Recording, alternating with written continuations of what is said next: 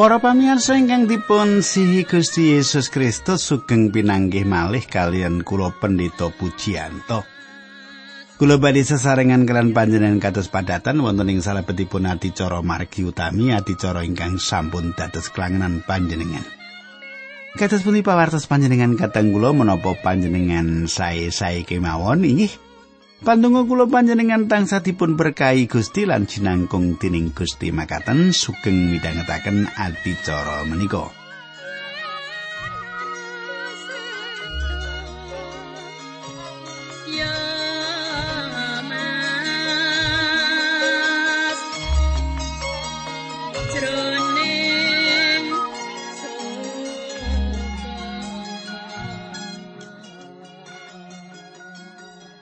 Kadang kula menapa panjenengan tasih kemutan menapa ingkang kula aturaken duk nalika pepanggihan kepengker. Kadang kula wonten ing pepanggihan kepengker kita sampun nyemak kados pundi Paulus ngimutaken kita bilih kangge pikantuk kangge nampani kawilujengan kita kedah gadah raos sumindi ingkang terus-terusan dumateng Gusti Allah. Kita kedah gadah raos sumindi ingkang terus-terusan dumateng Gusti Allah. Lajeng kados pundi kelajenganipun katanggulo kita badhe nyemak samenika nanging saderengipun menika monggo kita ndedonga kita nyuwun tuntunanipun Gusti rumiyin. Duh Kanjeng Rama ingkang ada dampar wonten kraton ing kasuwargan kawula ngaturaken gunging panuwun menawi wekdal menika kawula saged tetunggilan kalian sedherek kawula Kawula nyuwun supados paduka ngrumentahaken berkah ing wanci menika kanthi makaten menapa ingkang abdi paduka aturaken dumateng para pamirsa menika saged dados panglipuran lan kegiatan. Dinambaran asmanipun Gusti Kawula Yesus Kristus kawula netunggal haleluya. Amin.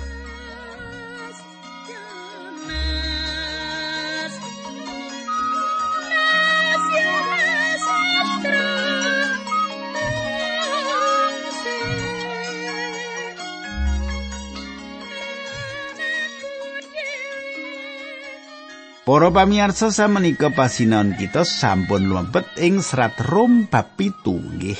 Ing salebetipun pasal ingkang badhe kita sinau wonten kalih pokok pirembagan inggih menika blenggu jiwa ingkang kawilujengaken lan pambudidaya jiwa ingkang kawilujengaken.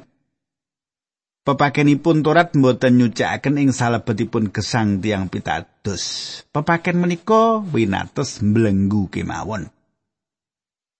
Tiang pitados ugi mboten saged nyiptakaken kasucen ing salebetipun gesang kanthi gumantung ing pepinginanipun manungsa inggal.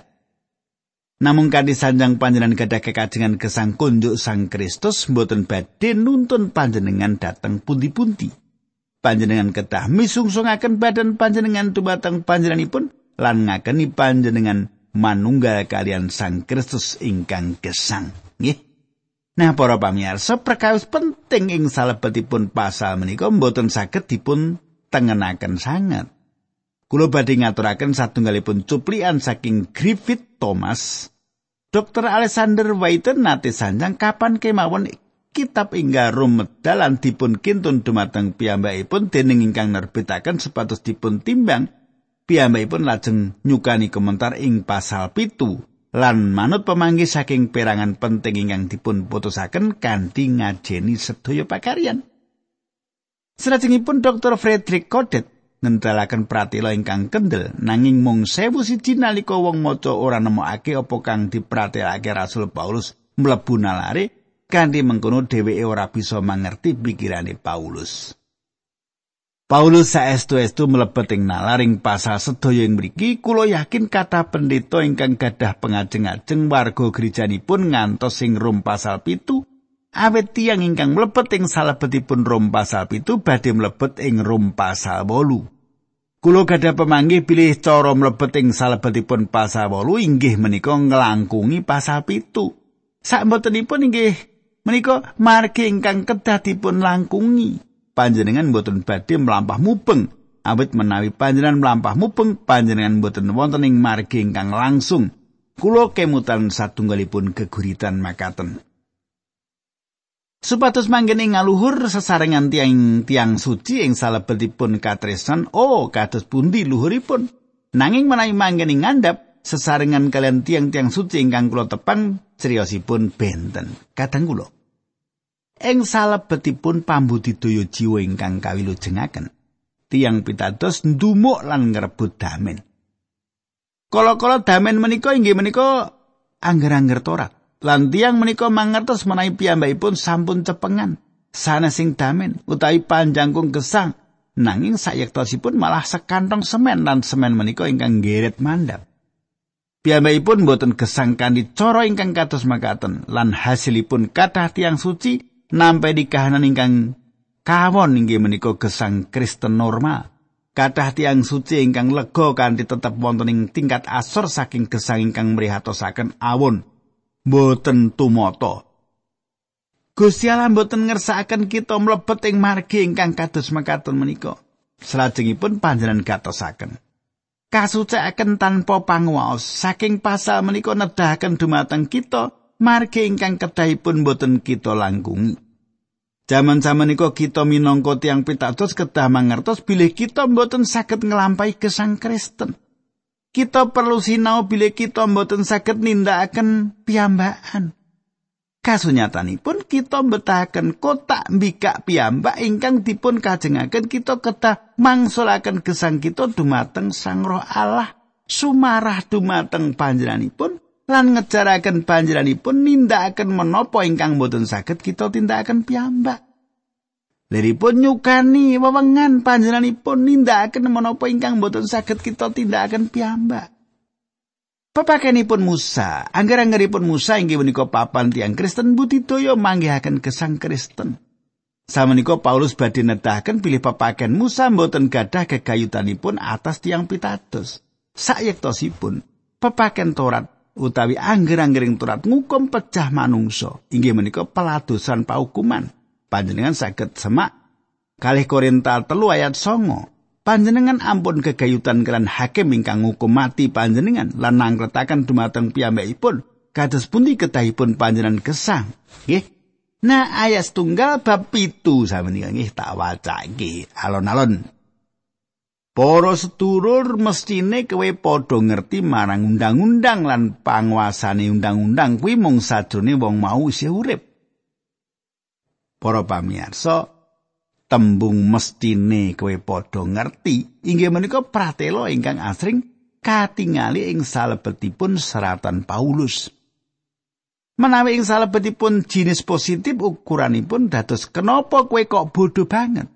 Wedal Paulus sanjang mestine kowe ngerti, panjenengan saged yakin menawi sederek-sederek menika pancen mboten mangertos. Sebab aku rembukan marang wong-wong kang ngerti pepakon. Pepaken Musa sampun gadah langkung saking coban sadangunipun sewu taun kalian umat pilihan Allah wonten ing tanah ingkang ngremenaken lan gampil nyelarasaken badan ing mriku kanthi cara bangun turut dumateng pepaken turat pepaken turat mboten namung dipun paringaken dumateng umat nanging ugi dumateng tanah. Nanging bangsa Israel mboten bangun turut pepaken Torat. Emut bilih Stefanus wonten ing pamilanipun meratelaken bilih bangsa menika makaten. Para rasul pitu ayat seket telu inggih panjenengan ingkang sampun nampik Torat. Ingkang kaparingaken lumantar para malaikat ewa semanten Torat wau mboten sami panjenengan tetepi. Menawi Petrus nyebutaken momotan cebi panjenengan semak para rasul gang 11 ayat doso. Menawi makaten kenging menopo panjenengan sami ngelawan dateng Gusti Allah strono nyukali momotan dateng tiang-tiang menika inggih menika momotan ingkang para luhur kita lan kita piyambak boten kiat nyanggi. Para pamirsa, samenika Paulus badhe nyukani conto ingkang manut kula ngidapi-dapi. Emanipun kathah tiang budidaya ngginakaken aturan-aturan saking mriku kangge ningkah lan pegatan. Nanging Paulus boten sawek ngrembak bab naningkahan lan pegatan ing mriki. Paulus sawek nyukani contoh kegayutan pepaken ingkang dipun tetepaken kanthi sae lan dipun janjakaken bilih tiang setri kacancang kalian kakungipun ingkang gesang lan pati menika nguwalaken wanita menika saking kalenggahanipun minangka jejeripun istri. Rom pitu ayat kalih. Kaya upamane wong wadon sing duwe bojo kuwi oleh kacencang karo bojone srana undang-undang mung selawase sing lanang isih urip nanging samangsa sing lanang wis mati sing wadon wis ora kecancang karo bojone. Kadang kula tiang setri kacancang kalian kakungipun sakdangunipun kakungipun gesang. Nanging menawi kakungipun pecah wanita menika sampun uwal saking paugeran kalian kakungipun. Kanthi tembung sanes menawi piyambakipun pecah istrinipun boten malih ningkah kalian piyambakipun. Samenika rum pitu ayat telu. Yen wong wadon mau nalika sing lanang isih urip urip bebarengan karo wong lanang liya wong wadon mau diarani laku bedang. Nanging yen sing lanang wis mati manut undang-undang wong wadon kuwi bebas lan saupama kawin meneh karo wong lanang liya ora kena diarani laku bedang Para pamirsa, sawetawis tiyang ngotot bilih pegatan lan ningkah malih menika dipun ijinaken ing salebetipun kahanan menapa kemawon manut ayat menika. Kita perlu mangertos kanthi cetha lara-laraipun. Menapa ingkang badhe dumados kabawah pepagenipun Musa menawi wonten tiang jalan utawi tiang setri mboten setya ing salebetipun ningkahanipun. Upaminipun wonten wanita ingkang ningkah kalian tiang jaler ingkang dados tukang bujuk lan kakung menika mboten setya dumateng istrinipun. Menapa ingkang dumados tiang menika dipun benturi selo ngantos pecah. Menawi tiang jaler menika pecah wonten ing tumpuan selo sampun tentu istrinipun bebas ningkah kalian tiang jaler sanes. Gitu? Ing jaman samenika kita mboten saged ngeterapaken pepaken Musa menika ing salebetipun gesang kita. Kenging menapa? Kita mboten saged benturi selo ngantos pecah dumateng tiang ingkang mboten setya gitu. Laning mriki Paulus mboten nyukani kita pitedah kagayutan pegatan lan ningkah malih. Paulus badhe nyukani keterangan ing papan ingkang sanes. Ingkang dipun kajengaken Paulus ing mriki inggih menika menawi kakung saking wanita menika pecah. Wanita menika mboten malih dados istrinipun, dados wanita menika piyambakan. Manut kula menika satunggalipun watonan kangge tiyang ingkang gesang ing salebetipun tatanan. Wonten tiang-tiang kafir ingkang mejahi semaipun menawi kagungipun pecah nanging tiang-tiang ingkang gadah budaya mboten nate nindakaken cara ingkang kados makaten. Para pamirsa Paulus nglajengaken kanthi negasaken paugeran kakung lan istri piyambakipun saestu ngunderaken kalenggan wanita menika ing salebetipun permasalahan kakungipun ingkang tasih gesang lan wangsul malih ing salebetipun permasalahan menawi kagungipun sampun pecah. Ayat sekawan, mengkono uga tumrap kowe para sedulurku, kowe wis padha mati munggu ing Torat. Jeleran kowe wis padha ditunggilake karo sarirane Sang Kristus, saiki kowe wis dadi kagungane Gusti Yesus sing wis kawungake saka ing sedo supaya urip kita ana paedahe kagem Gusti Allah. Para pamirsa, Kanthi tembung sanes dipun pratelaken awis saka iku sedulur-sedulurku kowe kabeh manungsa Adam uga wis mati kanggo paugeran Torat. Paugeran Torat mateni kowe kabeh kanthi nggunakake badanipun Sang Kristus supaya kowe kabeh ningkah karo wong liya malah panjenengane kang wungu saka pati supaya kita ngetokake woh kagem Gusti Allah. Istri nggambaraken tiang pitados dumateng Sang Kristus, kakung kaping kalih nglambangaken Sang Kristus. Kita dipun tunggalaken kalian panjenenganipun nang sinten ingkang dados kakung ingkang kawitan. Kadang kula. Monggo kita gatosaken menapa ingkang dipun sandangkan sawetawis tiang Dr. William Sande njarwakaken piyambakipun kados deni kahanan lami saderengipun nglampahi ewa-ewahan. Kakung kawitan kahanan lami saderengipun dipun ribah ing kekristenan. Dr. Stifler ngringkes bilih kakung kawitan inggih menika Sang Kristus ingkang dipun salibaken Dr. William R. Neville gadah pemanggih bilih kakung kawitan meratelaken Adam lan kalenggan kita ing salebetipun piyambakipun. Secara pribadi kula nganggep ingkang kaping kalih inggih menika panjarwi ingkang sae piyambak awit ing sak dawanipun margi tumuju perangan menika dipun wiwiti ing pasal gangsal ing pundi wonten kalih kepemimpinan Adam lan Sang Kristus. Kita sampun sinau gegayutan Adam kawitan lan Adam ingkang pungkasan manungsa kawitan kaping kalih kita tetunggilan kalian Adam ing sadaya sifat Adam. Kadang kula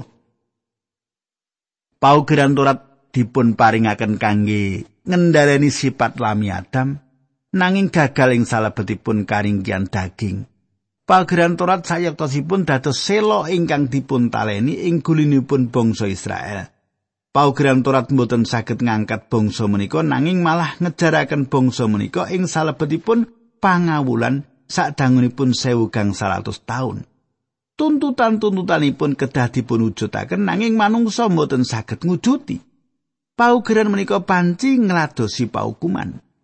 Menawi bangsa sanes Yahudi ngginakaken paugeran Torat ing wekdal bangsa sanes sampun pitados pramila ing salebetipun badanipun ugi boten wonten pengajeng-ajeng.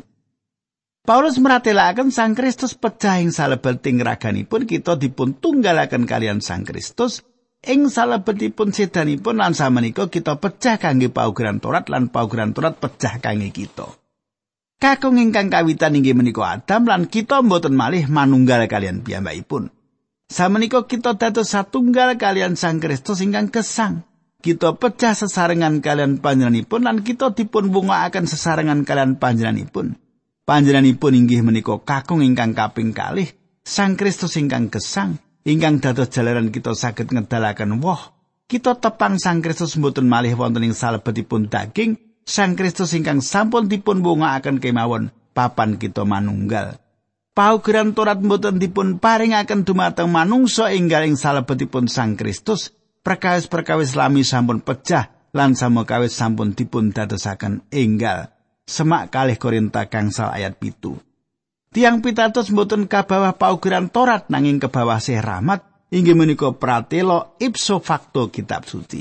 Tiang pitados pitadosa panji kados mekaten wontenipun awit Gusti Allah ingkang mratelakaken.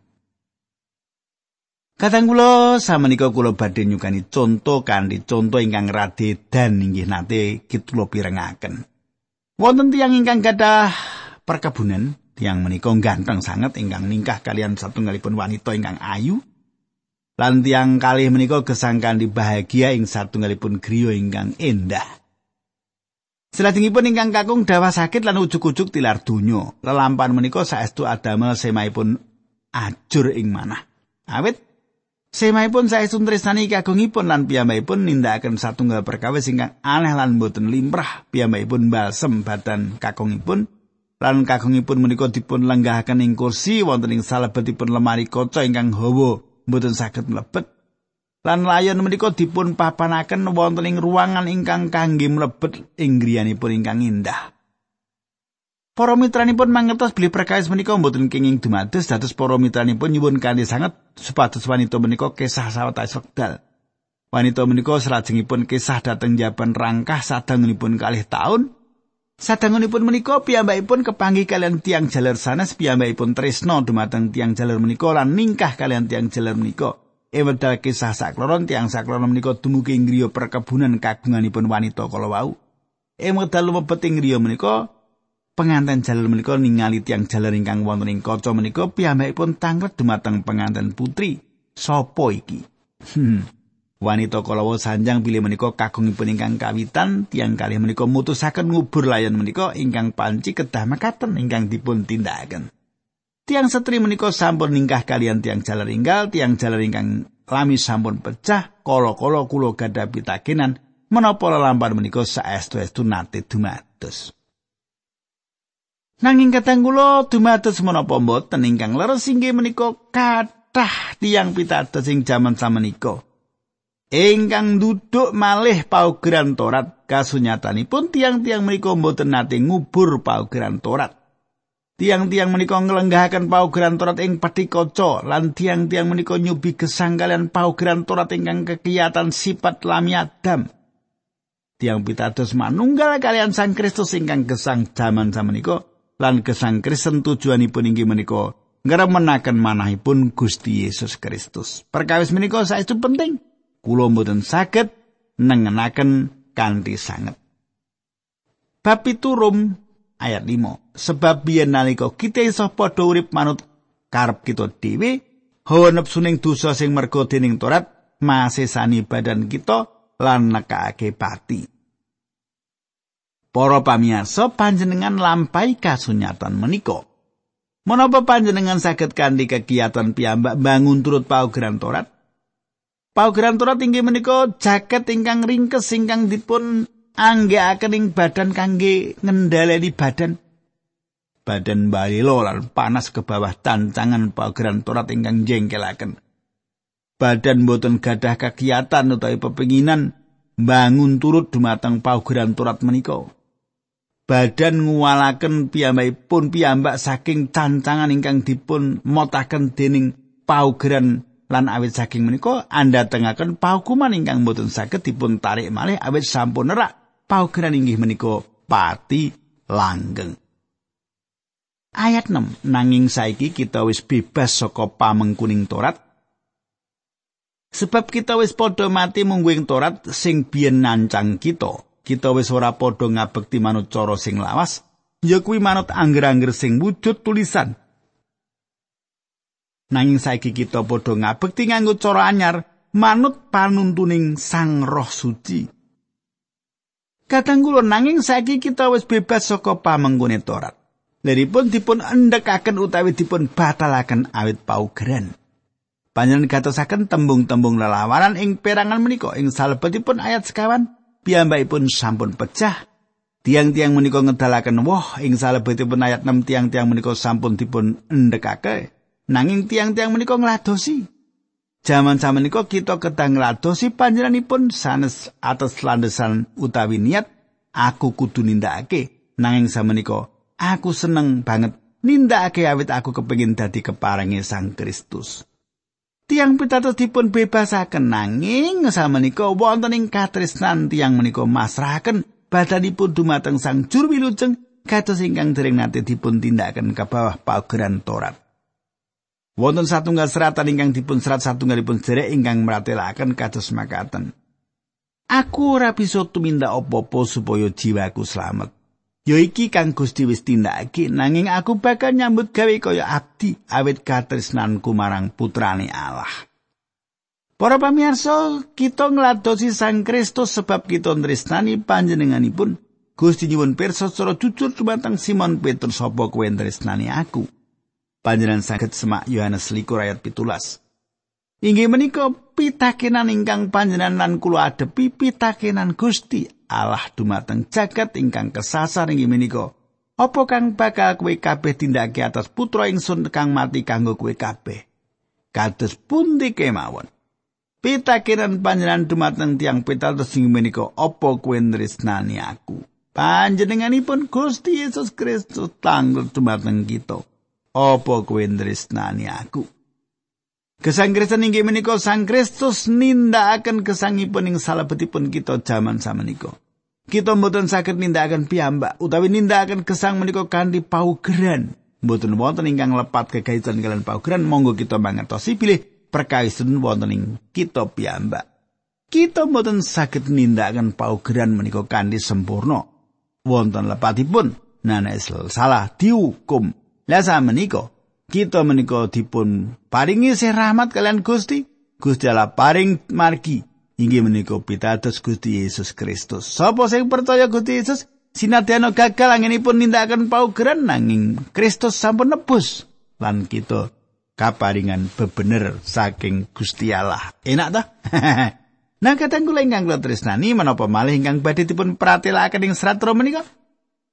Kita badhe ningali ing pepanggihan ingkang salajengipun kula badhe ngaturaken salam saderengipun kula ndedonga nggih. Dumateng Bapak Wasimun Karangsari. Kados pundi Pak Wasimun serat panjenengan sampun kula tampi. Matur nuwun Pak Wasimun.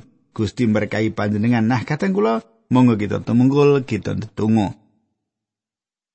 Duh Kanjeng Rama ing swarga kawula ngaturaken kuing panuwun menawi wekdal menika kawula saged tetunggilan kalian sedherek-sedherek kawula. Kawula sampun ngedum berkah pangandikan paduka kula suwun sepados pangandikan menika dados kegiatan panglipuran, kegiatan imanipun. Kawula pasrahaken sedherek-sedherek kawula menika wonten ing berkah paduka linambaran asmanipun Gusti Yesus kawula netunggal. Haleluya. Amin.